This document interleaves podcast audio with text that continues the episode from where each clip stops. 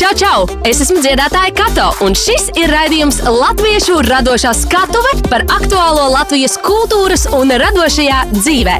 Radījumu finansē Mēdīļu atbalsta fonds no Latvijas valsts budžeta līdzekļiem. Par raidījumu Latviešu radošā skatuves saturu atbild EHR Latviešu hiti.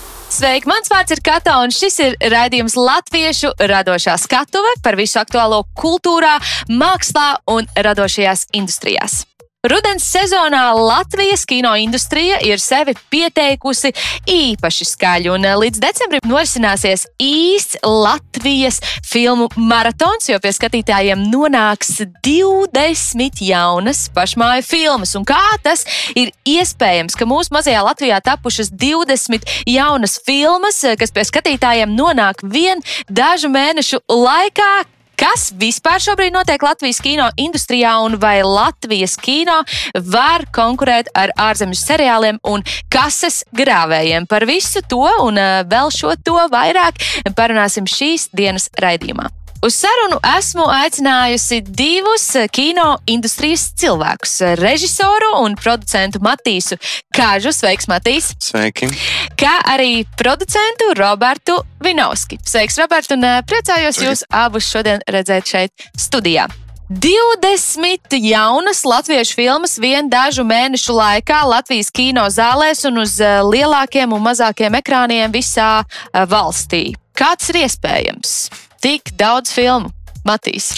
Katru gadu jau iznāk kaut kāds skaits Latvijas filmu, bet šogad to ir īpaši daudz, tāpēc ka nu, pēdējos divos gados ir bijusi tāda situācija, ka Latvijas filmām vienkārši nebija iespējams iznākt, taču daudz filmu vēl paralēli tika ražotas. Līdz ar to Covid pandēmijas dēļ ir radies tāds neliels uh, Latvijas filmu sastrēgums, vai nu, šajā gadījumā maratons, ja, kad gandrīz katru nedēļas nogali uz ekrāniem līdz pat gada beigām nonāks vismaz viena jauna Latvijas filma, vai tā būtu spēļu filma, dokumentālā vai animācijas filma.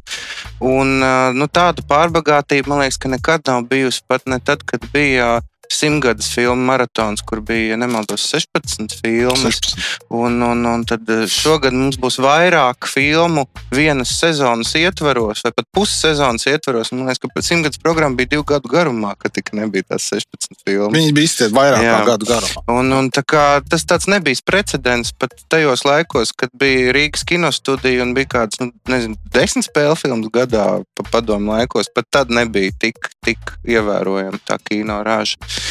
Mēs ceram, ka, ka skatītājs būs spējīgs to visu pa priekšu aptvert, kas, kas vispār ir piedāvājumā, un tad izdarīt izvēli. Jā, es tieši eh, gribēju jautāt, vai vai nav bail no tā, ka eh, vienu to filmu noskatīsies, piemēram, tikai daži uh, desmit skatītāji, un, un, un līdz ar to arī tas viss beigsies?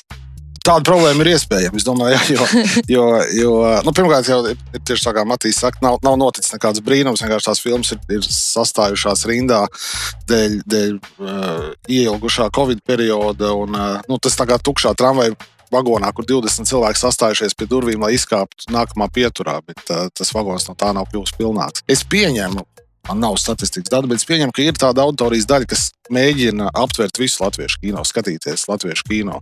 Tāpat kā šāda auditorija ir arī vien, latviešu literatūrai, latviešu teātrim un tā tālāk. Un grūti būs tiem cilvēkiem, jo katru nedēļu aiziet uz jaunu filmu. Ir, būs smags darbs, smags darbs Pārējiem atliks izvēlēties, vai viņiem kaut kas no piedāvātā interesē vai nē. Vai šīs filmas radīs kādā konkrētā kinoteātrī? Tas ir atkarīgs no filmām. Es domāju, ka, nu, piemēram, spēļu filmas rādīs visos lielajos Latvijas kinoteātros. Dokumentālās filmas visdrīzāk būs jāmeklē galvaspilsētas un lielo pilsētu kinoteātros un straumēšanas platformās, bet spēļu filmām vajadzētu parādīties ne tikai kinoteātros, bet arī reģionu kultūras namos un vēlāk jau straumēšanas platformās. Vai jūs varētu mazliet noraksturot, kāds ir latviešu kino skatītājs, un vai jūs jūtat, ka latviešu filmas ir ir gaidītas un mīlētas, vai tomēr lielāku uh, lomu spēlē, piemēram, Netflix seriāli vai eh, kādas uh, Holivudas filmas?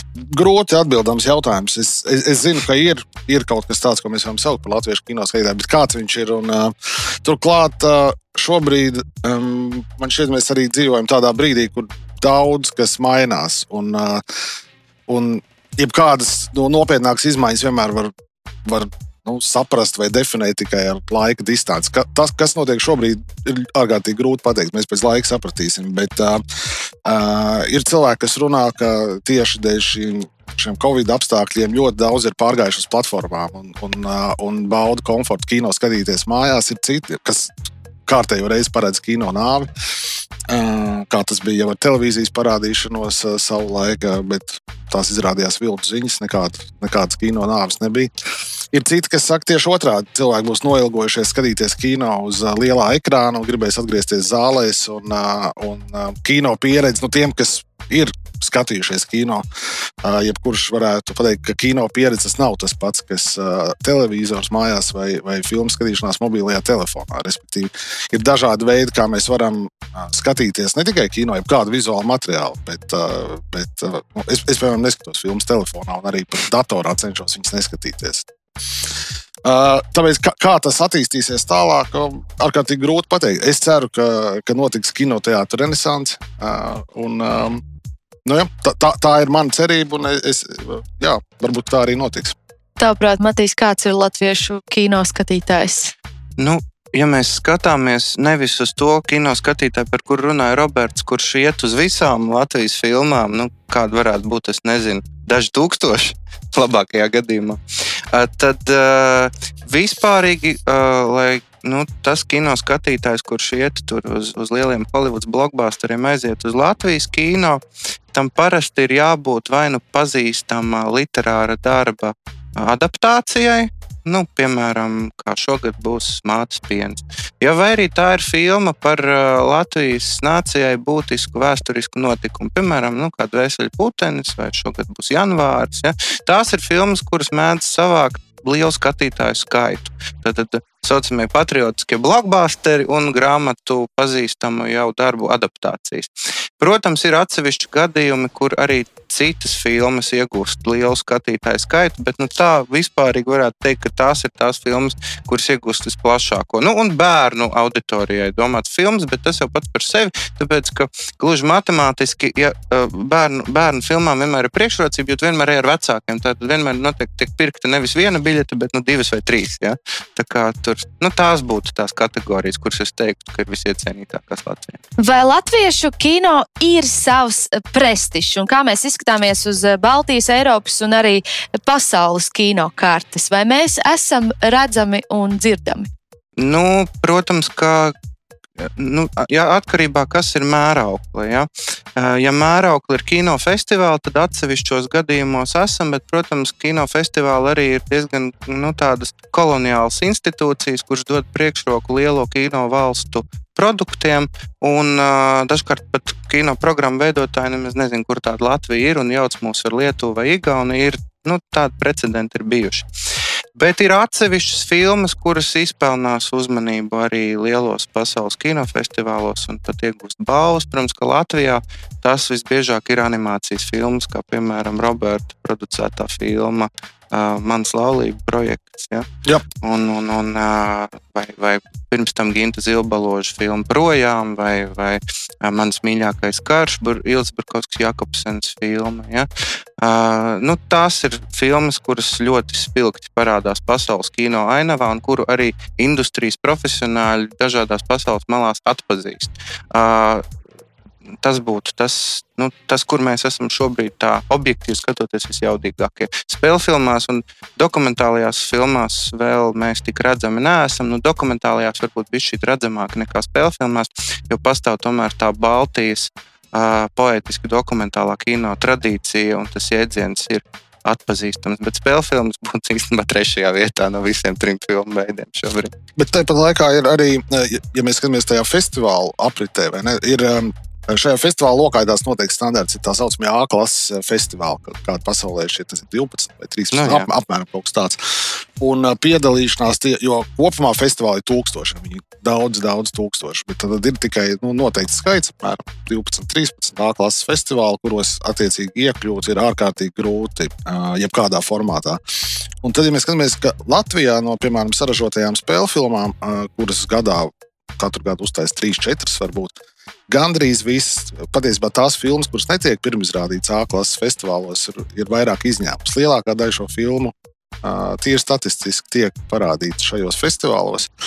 Un tad, ja mēs pretī noliekam kino lielvalsts, nezinu, Francijai varbūt iet labāk, teiksim, Vācija, kas ražo simtiem, simtiem spēļu filmu gadā, bet tikai ārkārtīgi reti, kur no viņām parādās šajos A-klases festivālos. Tas nozīmē, ka, nu, ja, ja skatās tādu spēku samēru, gan finansiālu, gan, gan, gan rad, teiksim, apjomu ziņā, tad man šķiet, ka Latvijas filmām klājās ārkārtīgi labi.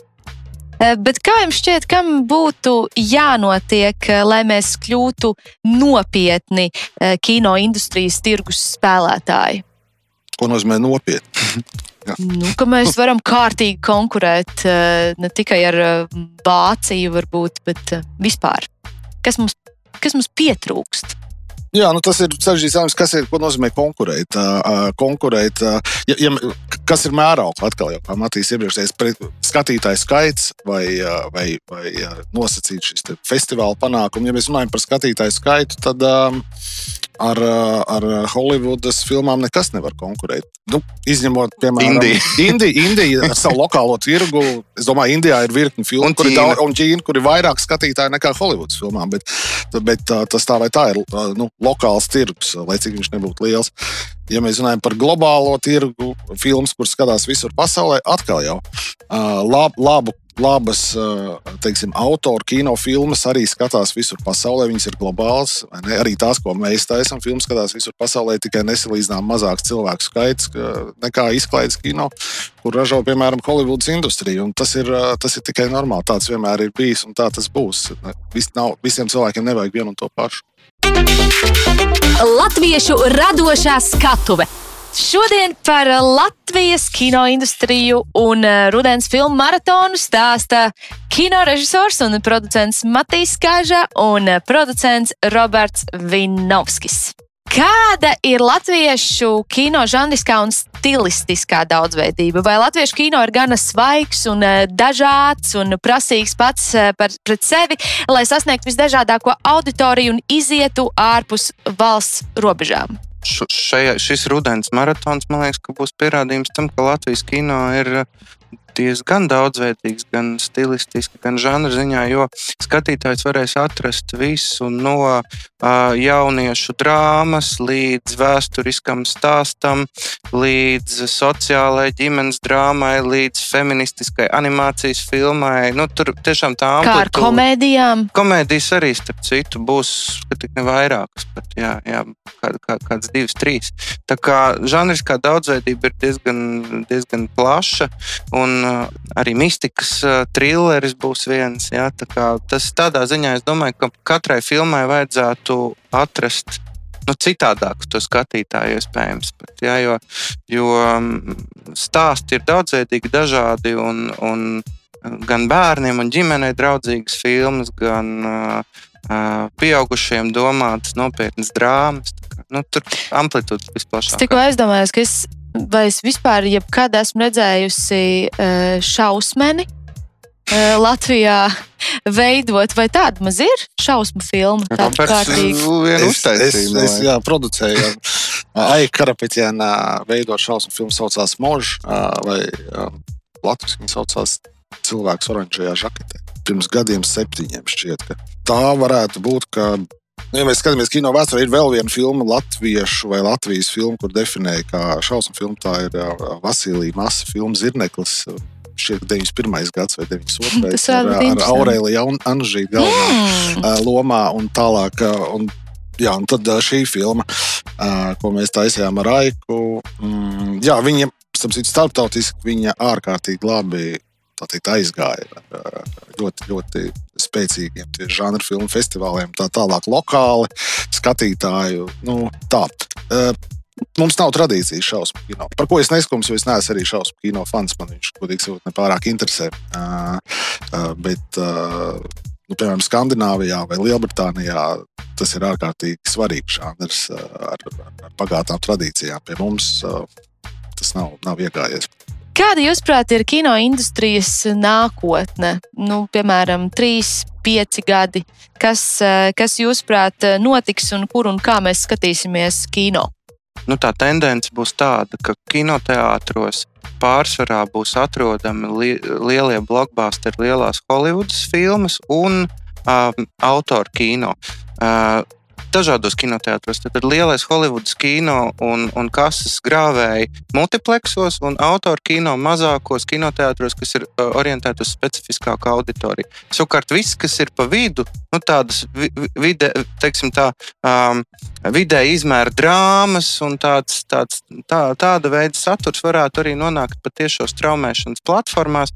Un mēs redzam, ka tas notiek arī tagad, jo, uh, piemēram, tajā pašā Netflix traumēšanas platformā, cik tur katru nedēļu parādās filmas, kuras iespējams noskatās ļoti neliela auditorija, bet, tur, bet tās filmas tur ir. Un ir tāds tā kā fons tam vienam, ko industrijā sauc par tentpolu, jeb svarīgo projektu, ja, kur, kura dēļ to Netflix abonementu nopirks un dabūs vēl mhm. komplektā arī visu to pārējo. Es nezinu, kā tu, Roberts, to skaties. Tā varētu būt, jā. Kā, kā es minēju, jau iepriekš šobrīd ir tāds pārējais periods, tikai nevienam nav ja vismaz man nav skaidrs, uz kurien šī pārējai notiek uh, līdz galam, to mēs redzēsim. Bet uh, es domāju, ka kinoteātris saglabāsies turklāt abās, gan, gan tādā autoru kino atzarā, gan arī izklaides kino atzarā. Jo arī izklaides kino man, man patīk skatīties filmas, lai izklaidētos, bet es to nejaucu vienā, vienā katlā ar to, kas ir autoru kino, kas ir intelektuāli sarežģīts un ir domāts citiem nolūkiem. Mm, bet arī izklaides žanrā, kino tas lielais ekrāns, un, uh, un tas, tas, tas ir nu, savādāk nekā, nekā skatīties Protams. Uh, mājās televizoru. Tāpēc es domāju, ka tas nekur nepazudīs. Un, uh, savukārt, ja mēs runājam par, par nu, tā saucamo autoru kino vai kino kā mākslas formu, tad ir, ir svarīgi atcerēties, ka kino ir vizuāla māksla. Uh, vizuāla māksla un Tāpat kā gleznas, kāpēc, kāpēc neskatām, mēs neskatāmies reprodukcijas, vāji nodrukāts reprodukcijas žurnālos vai telefonā, bet kāpēc cilvēki iet gleznu skatīties muzejā, kur var redzēt šo oriģinālu? Tāpēc, ka tā ir vizuāla māksla un, un šī miedarbība starp skatītāju. Un, Un šo gleznu notiek tad, kad tu stāvi šīs gleznas priekšā. Ar kino ir līdzīgi. Jāstāsta kinoteātrī. Es jau gribēju piebilst, ka Mm, šobrīd eh, ASV, kas ir viens no galvenajiem kino tirgiem, atdzimst eh, viens tāds pakalpojums, kur rezultātā patiesībā ASV pirms kādiem gadiem, četriem, pieciem piedzīvoja lielu kino bumu, un tā ir abonementu sistēma. Proti, ka tu nevis pērc katru kino biļeti individuāli, bet ka tu iegādājies nu, mēneša abonementu, un tad tu tajā mēnesī vari skatīties, piemēram, 10, 20, varbūt neierobežotu skaitu filmu kinoteātros par vienu fiksētu summu. Tā kā tas ir Netflixā, ja, tikai tas pats tiek attiecināts uz kinoteātriem. Man nav liela ticība, ka tāds uh, formāts tuvākajā laikā nonāks arī pie mums, bet tas varētu bien, būt viens no stimulējošajiem mehānismiem, lai kinoteātru apmeklējums celtos. Jo tajā laikā es atceros, es pats to, to saucamo moviju pēsu abonēju, kad es dzīvoju Ņujorkā un es gāju uz kino burtiski katru vakaru, maksājot tur 11 dolārus mēnesī, bet tā viena kino biļete maksā tos 11 dolārus. Un, un šāda veida iniciatīvas varētu nu, kino apmeklētību būtiski nu, teikt, pacelt. Latviešu radošā skatuve. Filmas vispār ir dārgs prieks, vai ne? Jā. ir dārgs prieks. Cik eh, mūsdienās maksā lielākie pasaules kino projekti, vai tas maz vispār ir apjaušams, eh, cik tas varētu izmaksāt? Nu, tā tad eh, man liekas, ka tur avatāri un tam līdzīgi gabali tas ir virs 500 miljoniem tikai ražošanas budžets, un cik tur vēl nezinu, mil, miljonu simti ir mārketinga budžets. Ja? Kā tas ir iespējams, ka tas budžets ir tik milzīgs? Kā, kā tas, no kā tas veidojas?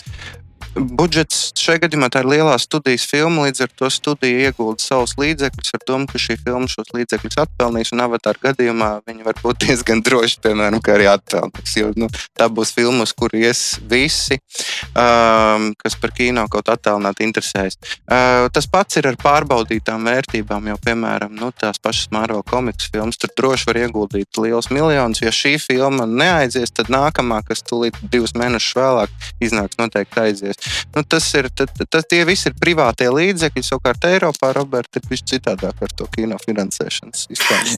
Ir, ir savādāk, jā, bet arī, arī ar šiem Holivudas eh, lielajiem grāvējiem. Pirmkārt, teiksim, avatāra gadījumā arī pirmā filmā ir eh, tiešām mārketinga budžets ir vēl tikpat, cik ražo. Globālais mārketings maksā tikpat, cik šādu filmu izveidot.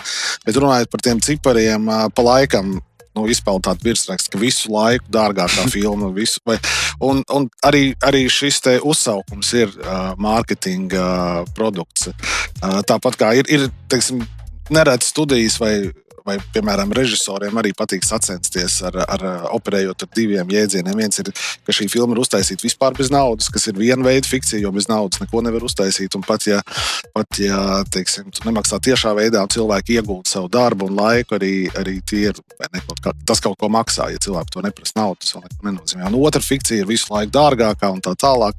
Tad, Bet vai avatārs ir visu laiku dārgākā filma? Es nezinu, kur ir tagad visu laiku dārgākā, jo tas pirmkārt tas mainās. Uh, katru gadu ir jauna, visdrīzāk, visu laiku dārgākā. Kaut vai tāpēc, ka inflācija un tas, kas 2005. gadā bija 300 miljoni, tas tagad ir jau daudz vairāk miljonu. Un, um, bet es gribētu teikt, ka tieši šobrīd mums šie, šīs lielās filmas ir ļoti vajadzīgas, tāpēc, ka tās uztur kinoteātris pie dzīvības. Mēs uh, ik pa laikam dzirdam jaunumus par to, ka kārtējā kinoteātris ķēde ASV vai Eiropā ir uz bankrota robežas, un tādas filmas kā Avatārs vai Top Gun kas šovasar ļoti veiksmīgi startēja uztur kinoteātrus pēc dzīvības. Līdz ar to šobrīd mums šādas filmas ir ļoti vajadzīgas. Vai Latvijā ar kino var nopelnīt, vai filmas bez valsts atbalsta nemaz nav iespējams? Bez valsts atbalsta ir iespējams. Šobrīd ir televīzijas platformas, kas arī ir ieinteresētas ieguldīt, ieguldīt savus līdzekļus gan TV sērijās, gan filmās. Bet, ko nozīmē nopelnīt? Tā kaut kā vilkt, vilkt dzīvību droši vien, ka var, bet par tādu lielu biznesu to būtu grūti nosaukt. Vai var nu, vispār veidot filmas? Nu, ir, ir producenti, kas ļoti aktīvi strādā un kam veidojot vienlaicīgi 3, 4, 5 projektus, tad es pieļauju, ka ir iespējams um, uh, kaut kā turēties virs ūdens, bet uh, strādājot tikai ar vienu filmu, tas Latvijā droši vien nebūtu iespējams ne producentam, ne arī režisoram. Mums, starp citu, nav daudz režisoru kuriem, nav, kuriem nebūtu nekādu blakus nodarbību ar tīri, lai nodrošinātu savus ienākumus. Ir daži, bet arī šie daži, piemēram, nav neviens režisors, manuprāt, kurš nodarboties tikai un vienīgi ar kino. Ir režisori, kas paralēli taisa teātris, operu, reklāmas, dažādus citus režijas darbus, bet strādājot tikai kino, domāju, ka būtu diezgan grūti. Manā gadījumā es arī producēju filmas, bet es šobrīd nestrādāju tur reklāmā vai teātrī. Man vienkārši ir divas atsevišķas profesijas vienā un tajā pašā jomā. Kā ierobežotais finansējums ietekmē Latvijas kino dzīvi un attīstības iespējas?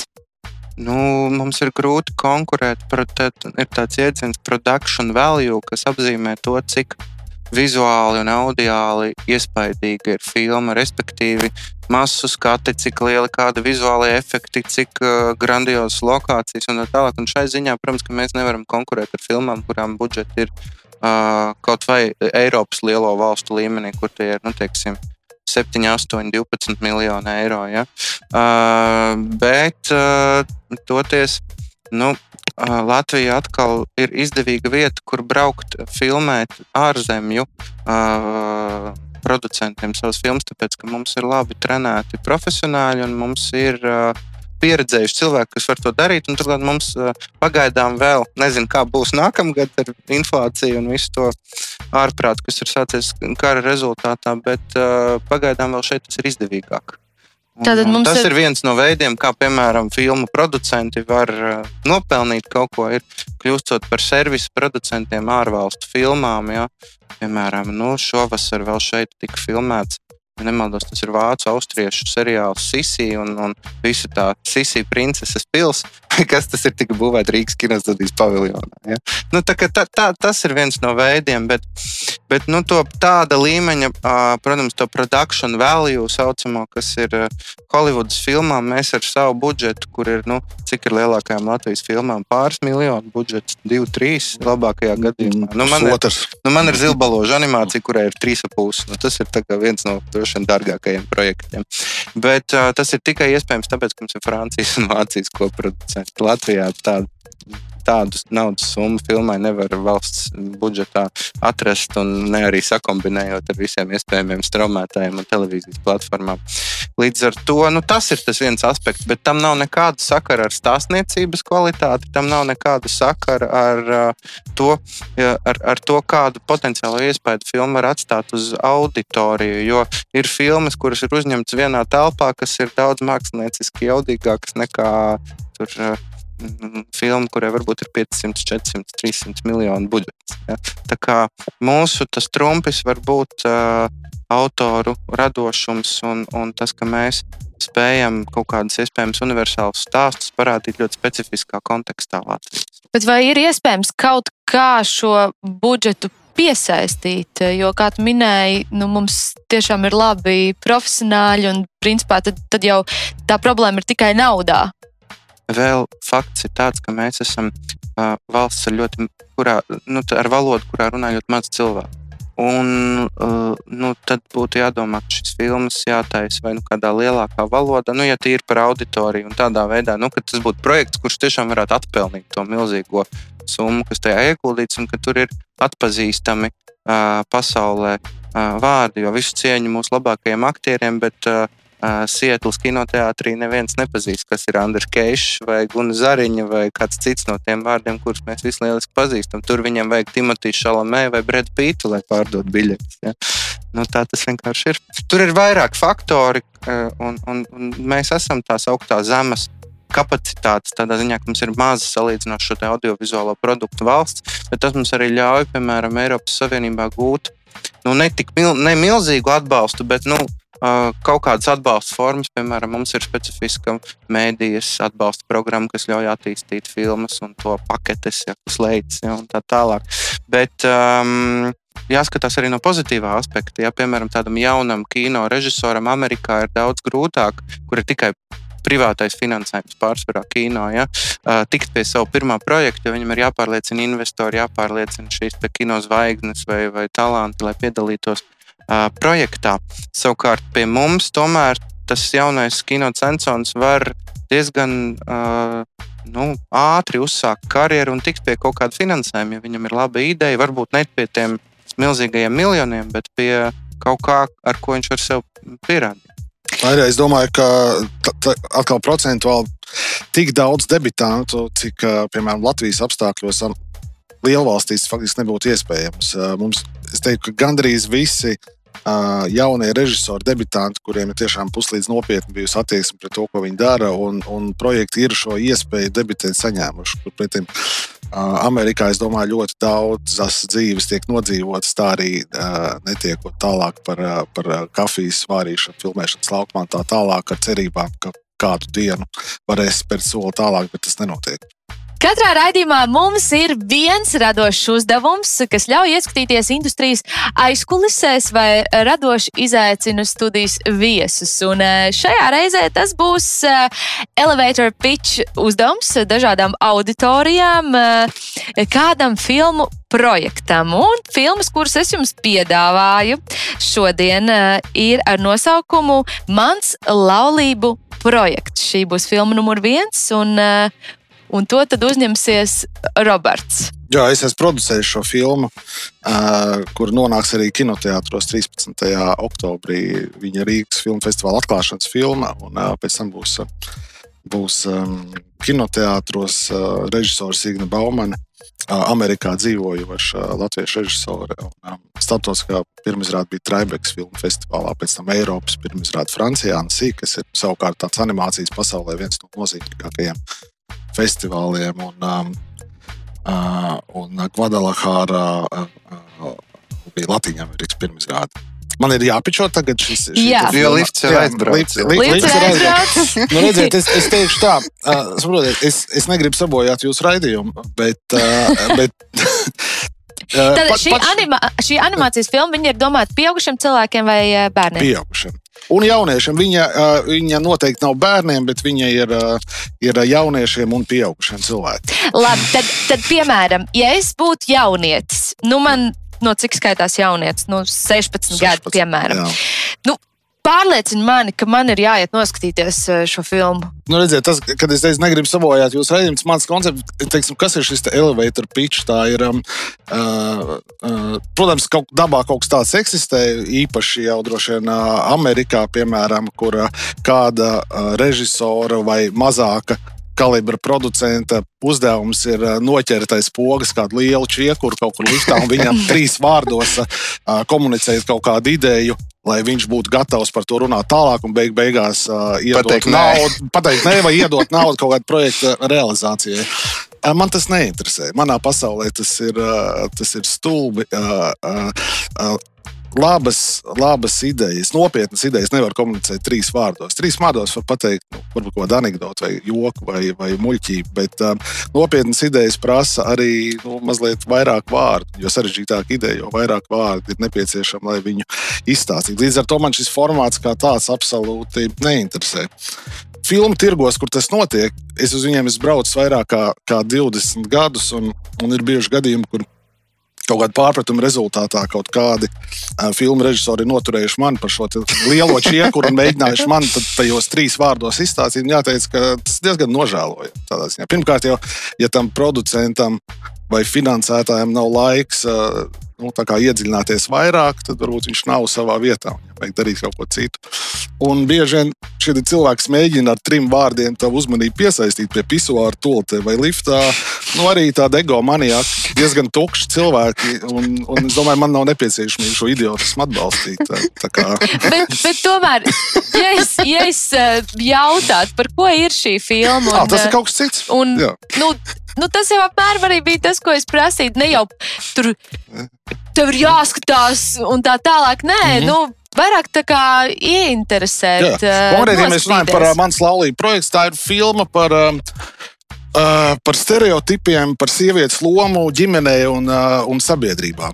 Tas, tas būtu visīsākā versija, kā to var, uh, kā to var izstāstīt. Un, uh, un šādu stereotipu ir daudz, un, uh, un par viņiem ir vērts padomāt, lai pārvērtētu savu skatījumu uz, uz to. Bet um, atkal jau filma ir pusotra stundu gara. Tad pusotru stundu kaut kas tiek stāstīts. To, ko stāsta pusotru stundu, acīm redzot, nevar pateikt trīs vārdos. Nākamā filma ir ar nosaukumu Neona pavasaris. Nu, es neprasu trīs vārdos. Droši var izpausties vairāk vārdos. Neon Pavasaris ir mana filma. Es esmu režisors un arī producents. Un tā ir filma jauniešu auditorijai. Tas ir stāsts par jaunu sievieti, 20 gadnieci Laini, kura laikā, kad viņas ģimene šķīras, nonāk Rīgas pagrīdes reivu scēnā. Un filmā ir tehnobalītes, ļoti uh, spilgtu jūtu atspoguļojums, nedaudz arī narkotikas un tā daļa balīšu dzīvē. Bet vispār stāsts ir par jauniešu attiecībām vienam ar otru un ar vecākiem un par kaut kādiem centieniem iegūt patiesu uh, un dziļu uh, kontaktu, kas nevienmēr ir iespējams. Uh, filma ir pirmizrādīta Edinburgas festivālā šā gada augustā. Tagad uh, rudenī būs vēl vairākos kinofestivālos pasaulē, uh, gan uh, uh, Vācijā, gan Izrēlā, gan uh, Somijā.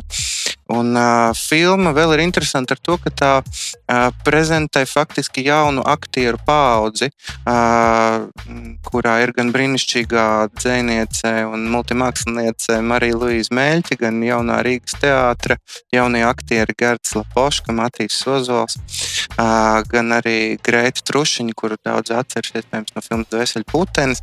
Tā kā uh, es domāju, ka filma uh, aizraus auditoriju, nu, teiksim tā, 16 plus satura dēļ, bet, uh, bet uh, jauniem cilvēkiem, kuri iespējams paši daudz ko ar sevi varēs uh, sasaistīt. Milzīgs jums paldies par eh, sarunu. Manuprāt, tiešām, tiešām ļoti, ļoti interesanti. Es arī uzzināju daudz ko jaunu. Ceru, ka arī mūsu skatītāji uzzināja sev interesējošas lietas. Un eh, ar, ko, ar jums kopā biju es, rādījuma vadītāja Kato, un eh, studijā viesojās kino režisors un producents Matīs Kaža un producents Roberts Vinovskis. Un uz tikšanos jau nākamajā Latviešu radošās skatuves raidījumā.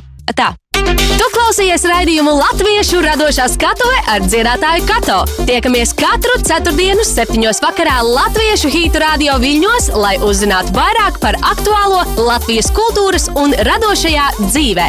Podkāstu ierakstus meklē EHR mājaslapā, aplikācijā, YouTube un Spotify. Radījumu finansē Mēdīļu atbalsta fonds no Latvijas valsts budžeta līdzekļiem. Par raidījumu Latviešu radošā skatuves saturu atbild EHR Latviešu hiti.